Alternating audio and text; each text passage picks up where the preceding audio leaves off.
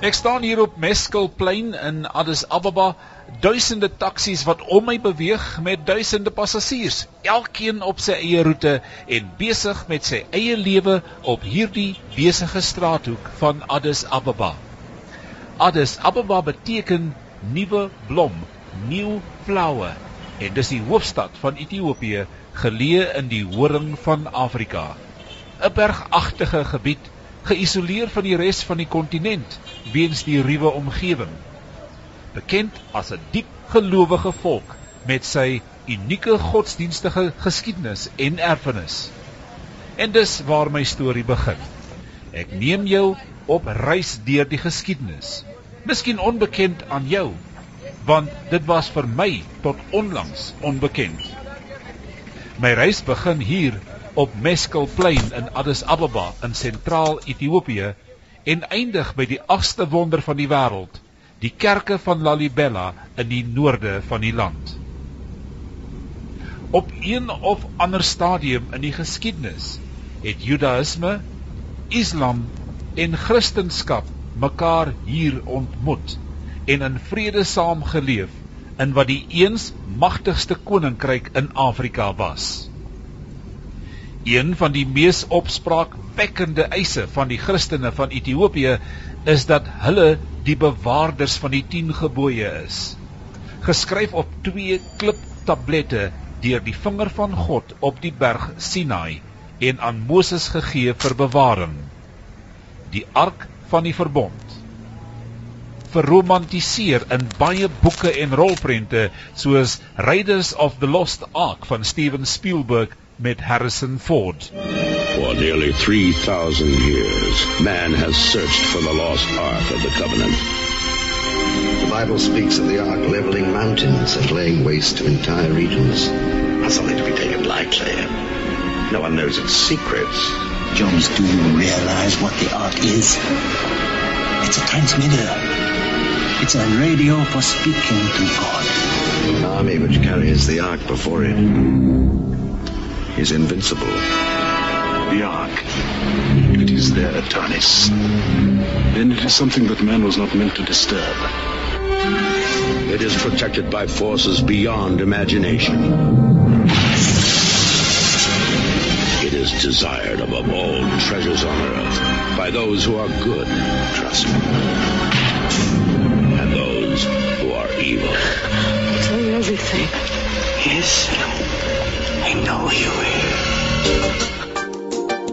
አብርሃም የይስሐቅ የያዕቆብ አምላክ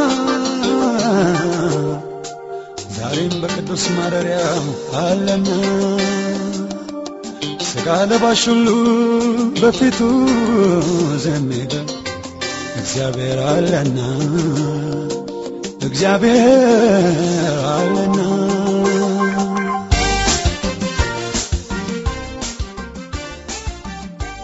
Ons sal nie in hierdie program die verbondsark of 10 gebooie soek nie, want dis maar net een aspek van die land se godsdienstige nalatenskap. Vir die afgelope 3000 jaar, byna 1000 jaar voor Christus, dis toe slegs die Joodse ortodokse geloof nog ter sprake was in die Midde-Ooste. Ethiopië is die eerste Afrika land wat bekeer het tot Christus honderde jare voor sendelinge na Afrika gekom het. Vanaand gaan ons sien hoe een man, koning Gebri Meskel Lalibela, 'n verbond met God gesluit het en dit ten uitvoere gebring het. En dit is om 'n onvernietigbare kerk en 'n nuwe Jerusalem te bou. ጉልበታት አውብርታት ይጨምራል በሰጡ ቀኝ ደግፎ ይዘው እግዚአብሔር ሕዝቡ Ethiopië en Sudan het saam bekend gestaan as Abessinië. Antieke Egiptenare is eintlik Ethiopiërs. Die Egiptenare van vandag is nasate van volkere wat Egipte kolonialiseer het, soos Persië, Rome, Frankryk, Arabië, Turkye en die Britte. Alhoewel Ethiopië nooit gekolonialiseer was nie, het Italië honderde tempels verwoes in Ethiopië en Sudan en waardevolle skatte, asook godsdienstige simbole van Ethiopië na Rome geneem. In Giuseppe Fellini se pogings om skatte te soek, het hy tempels en Meru piramides van Sudan vernietig. Volgens Ethiopiese geskiedenis het Fellini die piramides soos 'n vandaal sonder enige rede verwoes. Ethiopiese en Sudanese artefakte is in museums reg oor die wêreld soos Boston in die VSA, verskeie Britse en ander museums en die Louvre in Parys. Die Aksum obelisk wat kontak tussen aarde en die hemel vergestel het, is 'n 1700 jaar oue monument wat in 1935 deur Italië afgebreek is en as oorlogstrofee na Rome geneem is. Die 24 meter 160 ton pilaar is eers in 2005 terugbesorg aan Ethiopië deur Italië. Die oorblyfsels van die paleis en die swembad van die koningin van Skeba kan nog steeds besoek word in Maishum, Ethiopië. Die manier van aanbidding in Ethiopië word nog gedoen op 'n manier wat aan Jesus en sy disippels bekend sou wees. En hoewel ortodoks voor Christus, is hierdie een van die oudste Christelike gelowe in die wêreld. En die wêreld se grootste geheim, die verbondsark wat die 10 gebooie bevat, word as gevolg van die baie stories en mites daaromtrent in absolute geheimhouding gehou iewers in Ethiopië, terwyl afbeeldings daarvan in meer as 35000 kerke tydens seremonies en prosessies gedra word as herinnering aan God se kontak met die mens. So om die stelling te maak dat Europese sendelinge na Afrika gekom het om die woord van God te verkondig, is dus nie so heeltemal korrek nie.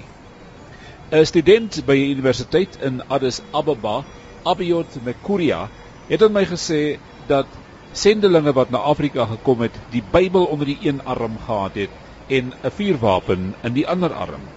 Sy ekselensie Abune Paulus, die patriarg van die Ethiopiese Christelike Ortodokse Kerk, hy verduidelik die agtergrond van die kerk en waarom die kerk so sterk is in hierdie antieke Afrika staat. Uh, our ancient church has a 3000 Judo-Christian history because before accepting Christianity in Ethiopia, uh, we have accepted the Old Testament religion. And we have practiced that for 1,000 years. To be exact, for 992 years before Christ. Then we were able to accept Christianity on the first half of the first century, that is in 34 AD. We have 40 million members. We have also 35,000 parish churches. We have 400,000 clergy people. We have sacramental clergy, those who live in the parish and live with the people, uh, administer the sacraments and preach them and counsel them. We have debtors, they are the very scholarly, learned people, the children or the students of Yared, which is a very unique tradition in our country uh, and throughout the world. So they have, we have those people on one side. On the other side, we have also people who have committed to live with an ascetical life, with a spiritual life in a communal way. So Ethiopia is one of the oldest Christian churches which accepted and adopted monasticism. Uh, from the 5th century up to now, we have many monasteries in Ethiopia, about 1,000 monasteries. These monasteries have been the backbones for our Christian church in Ethiopia because it is in the monastery you have the learnings of the schools, of the old traditional schools we have in our country. Uh, the different, in different fields in the monastic life. And it is the members of the monastic community who have been coming out from the monasteries and going and founding another monasteries in another area. And uh, in that sense, they have expanded monasticism. We have another monasteries in Jerusalem. Uh, the monastery in Jerusalem uh, was there since the 4th century of Christian era. Uh, But this land, this property has been given to us by King Solomon to Queen of Sheba. That is 992 years before Christ. Because how do we know? This is because recorded in the Holy Bible. In the first book of Kings and the second Chronicles, we find a very lengthy details that tells King Solomon has given to Queen of Sheba all what she has asked him. At that time, it was not a monastery, it's a piece of land which has been given to her to stay as long as she was staying in Jerusalem. Ever since, Ethiopia never left from this. And they made it a monastic community. And ever since, we have been there.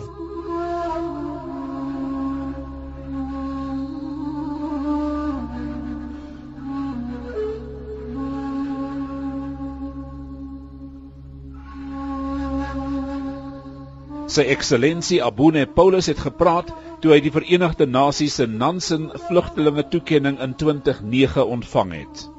Ander ontvangers van die toekenning sluit in Nancy Roosevelt, vrou van Franklin D. Roosevelt van die VSA, die Franse president Valéry Giscard d'Estaing, Tanzanië se president Julius Nyerere, koning Juan Carlos I van Spanje, die Italiaanse tenor Luciano Pavarotti en selfs die Amerikaanse aktrise Angelina Jolie.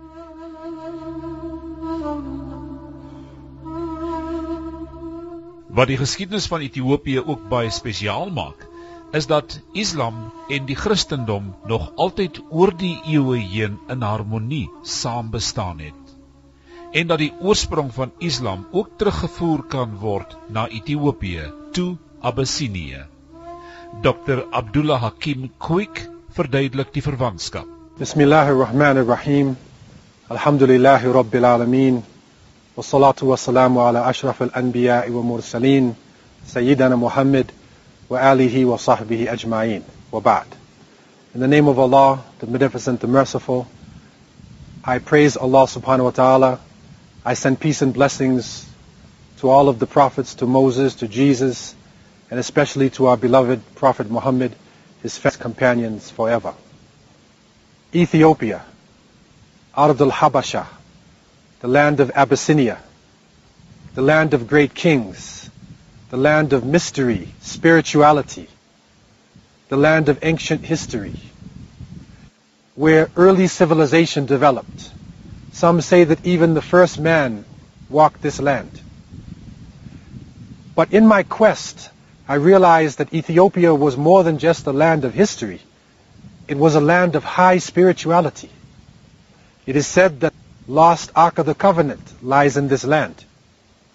It is also said that great Christian rulers and kings walked this land and maintained the teachings of Jesus, peace be upon him. As a Muslim, I came to understand that the Prophet Muhammad, peace be upon him, when living in Mecca and when he found that he was persecuted and his followers needed help, he told them, if you go out to the land of Habasha, to Abyssinia, there you will find a king who oppresses nobody. It is a land of truth. Hiya ardun sidq. How did he know that it was a land of truth? Why did he send his followers into Africa before he sent them to Palestine, before he sent them to Persia, even to Yemen. Why? He sent with them a message. And this message or this letter uh, to An-Najashi, the Negus, the emperor, the ruler of, of, of Ethiopia, was in a form that we don't find in any other letter that he ever wrote. Because it's a brotherly letter. It was a diplomatic letter. So this letter was not only seeking sanctuary for his followers, it was actually a very strategic political letter that was connecting the Muslims in the Arabian Peninsula to the believers in one God in Ethiopia, which was a world power at the time.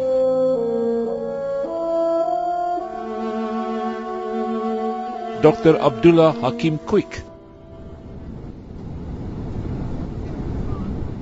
En terwyl ons nou vlieg, so 3 kwart uur vlug na Lalibela.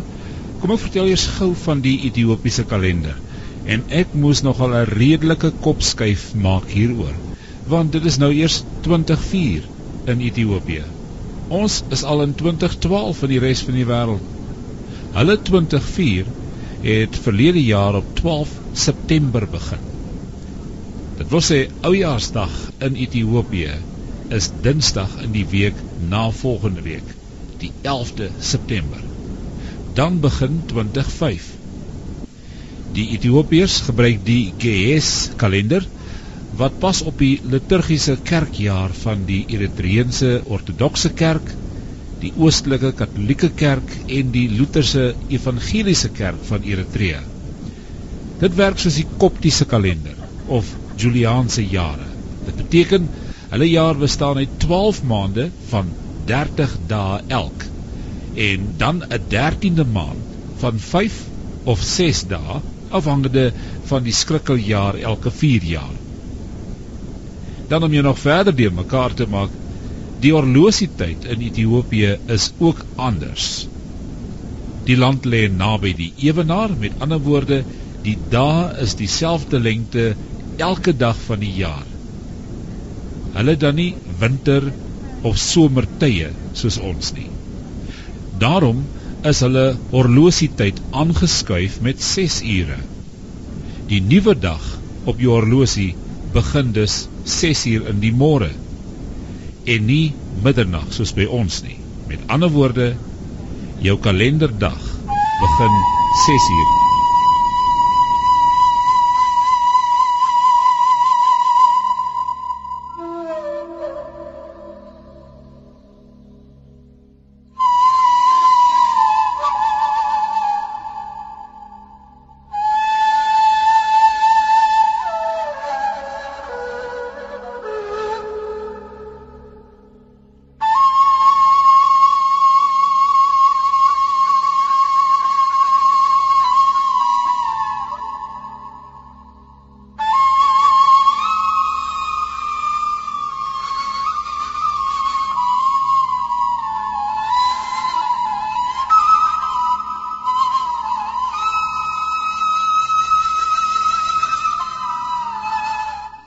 elf kerke uit rots gekerf. Die legende van Lalibela. Volgens die Ethiopiese geskiedenis eis die Ethiopiërs dat hulle direkte afstammelinge van die huis van Dawid is. Die Ethiopiese koninkryk is tot stand gebring deur Menelik die 1ste, seun van koning Salomo en Makeda, die koningin van Skeba. Die laaste heerser van die koninkryk was Haile Selassie. Sy heerskappy kom tot 'n einde in 1974 en sedertdien is die koninklike familie nie regerend. Gebrey Mescal Lalibela wat geheers het vanaf die jaar 1181 tot 1221 word genoem Lalibela omdat 'n swerm bye saamgedrom het in die vertrek waar hy gebore was. Lalibela beteken in Amharisch Die bye erken sy soewereiniteit. Hy was ook die koning, verantwoordelik vir die agste wonder van die wêreld. Volgens die legende het die engel Gabriël koning Lalibela besoek en hom weggeneem na die hemelse Jerusalem waar hy 'n gesprek met God gevoer het. God het hom opdrag gegee om die kerke te bou in sy eer. So hy het teruggekeer en 11 monolitiese kerke uit een soliede rots gekerf. Dis wat monolities beteken, uit een rots gekerf. Met ander woorde, die dakke van die kerke is grondhoogte en die konstruksie van die gebou en die inhoud daarvan is uitgehol uit die klip. Dit is soliede vulkaniese rots. Dit het Lalibela baie jare geneem om die kerke te voltooi. Eintlik die volle duur van sy 40 jaar heerskappy. Hulle het 24 uur per dag gewerk. Maar Volgens die legende het die koning en sy mense hulp ontvang van die engele. Sou die mense in die aand gaan slaap, het die engele uit die hemel neergedaal. Twee skofte per dag. Engele in die aand, mense in die dag. Daar is 'n groepie navorsers en wetenskaplikes wat glo dat hierdie nie engele was nie, maar ruimtelike wesens. As dit wel so is, wie en wat was die ruimtelike wesens? Want soos met die piramides van Egipte en Sudan, is daar die teorie van tegnologie wat ingespan is met die bou van die kerke. En gaan die teorie die kerke moes gebou word om die 10 gebooie te huisves. Iewers in die 9de eeu het die 10 gebooie, met ander woorde die verbondsark, spoorloos verdwyn uit Jerusalem. Menelik die eerste, seun van koning Salomo, was die vader van Lalibela. Daar word vermoed dat die 10 gebooie hier in een van die kerke versteek word en deur die hoë priesters en monnike bewaar word. Daar is geen historiese bewyse om die teorie te ondersteun nie. Maar volgens die legende is 'n altaar in een van die kerke met die presiese mates van die verbondsark gebou. Die ontwerper moes dit dus voorheen gesien het. Die bou van die kerke het saamgeval met die nuus dat Jerusalem geval het in die hande van Saladin by die slag van Hattin in Julie 1187. Dit het Jerusalem uit die hande van die Christene geneem en was nou gevaarlik om te besoek. Koning Lalibela wou dus nou 'n stad bou wat bekend staan as die nuwe Jerusalem en wat die toets van tyd sou deurstaan en 'n Jerusalem wat nooit sal vergaan nie. Die eerste stap was om sekere aspekte van die dorp Bybelse name te gee. Die rivier wat deur Lalibela vloei staan nou bekend as die Jordaanrivier. En 'n totaal van 13 kerke word deel van die beplanning. Daar is hoofsaaklik twee groepe kerke, die noordelike groep kerke met Bet Medamalem die grootste. Dit beteken huis van die verlosser. En dit is die grootste monolitiese kerk in die wêreld. Tesame is Bet Miriam, die kerk van Maria en Bet Golgotha wat beteken die kerk van Golgotha. Ek trek my skoene uit om in een van die oudste van hierdie kerke Bet Mariam te gaan. So uh, uh, we are in the interior part of uh, the biggest church. Uh, you can see on top of the ceiling I've got beautiful architectural design uh, because uh, as I have told you King Lalibela he was in Jerusalem for a couple of years so he get well ex- experience from Jerusalem by architects by painting in there and then he make it very well from the rock. Um, Top of the ceiling have got inverted boat style, inverted boat style. When you see from the outside part of this church, it looks like rectangular, but internal part is like a circle shape, which uh, uh, symbolize the tent of Moses. Tent of Moses have got uh, round of the circle. So to remind that uh, the internal part of uh, Ethiopian Orthodox Church, uh, it has the same like the tent of Moses. And this church from inside and outside part, it has 72 pillars, you know. Because all the churches here in Lalibela have got a biblical point. Uh, Jesus Christ has 120 special family of him, which means the 72 students of Jesus, 36 Holy Gospels, and 12 disciples. It's 120. So from this church, uh, uh, interior part, it has 38 original pillar, like this, uh, 38 pillars. Uh, the external part, 34, in and out 72, symbolic of the 72 students of Jesus. Uh, as you see, the pillar have got two different uh, uh, color. As you see, this is still from the 12th century till now. Worship in, and when pilgrimage are get in, they touch by hand and kiss. That's why it's getting two different color from the pillar. And the others, it's common. Have got east-west orientation, like Roman Catholic Church. You see, because the sun come up from the east, rise to the west. That's why east-west orientation, and it has five L's or three section. The one we call chanting group. It is common in Ethiopia Orthodox Church. Chanting means the, uh, the prayer place of the clergy.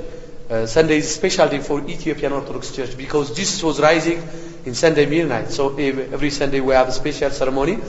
What I am saying in Ethiopia Orthodox Church, I go five L's or three section chanting group, Nave and Holy of Holy. Why from here? As I have told you, this is the New Jerusalem.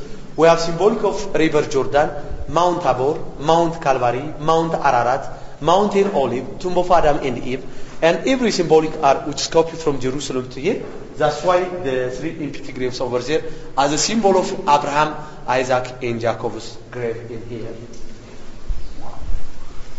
Volgens my gids is daar drie verskillende tipes ontwerpe.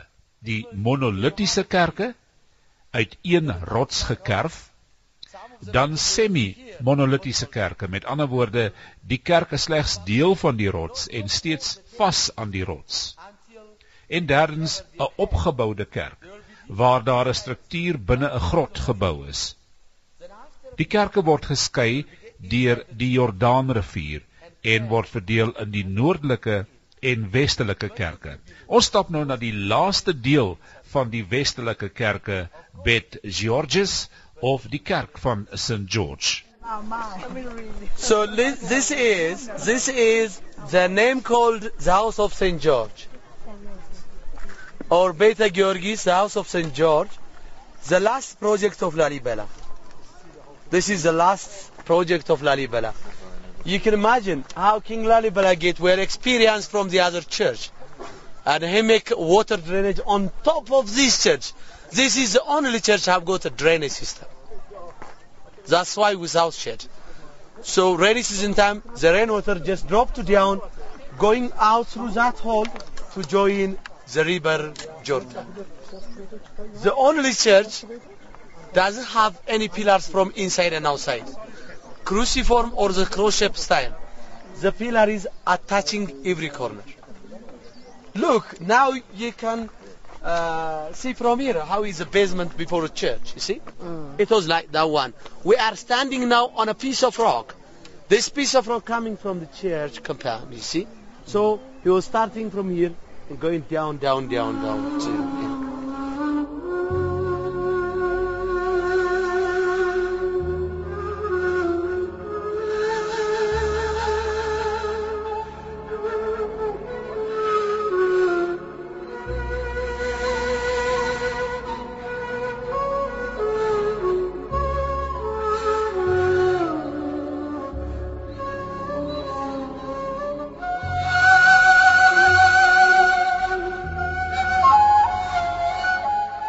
Koning Lalibela en sy volk het 40 jaar, soos die Israeliete, spandeer om seker te maak dat geloof sal oorleef. Al moet die aarde vergaan, sal daar dele van die struktuur van godsdiens heel bly vir die volgende geslag. Hoe mense ook al kyk na die oorsprong van die kerk, het die kerk ontwikkel oor die Midde-Ooste, Europa en Afrika te gelyk en daarvandaan na die res van die wêreld. Die kultuur en gewoontes van aanbidding is vroeg vasgelê en kenmerke kan soos 'n goue draad deur alle gelowe getrek word. En dis die verhaal van geloof, die agste wonderwerk en God se verbond in klip vir ewig. As jy kan, sluit Ethiopië in jou planne vir jou volgende pelgrimsreis. Dankie aan die volgende persone en instansies wat die program moontlik gemaak het. Jurgen Skooman van die toerismeorganisasie Live the Journey. Die Ethiopiese ambassade in Pretoria. Die Ethiopiese lugdiens. Die Ethiopiese ministeries van onderskeidelik kultuur, toerisme en ekonomie. Die plaaslike regerings van Addis Ababa en Bairdar as ook sy eksellensie Abune Paulus, die patriarg van die Ethiopiese Christelike Ortodokse Kerk.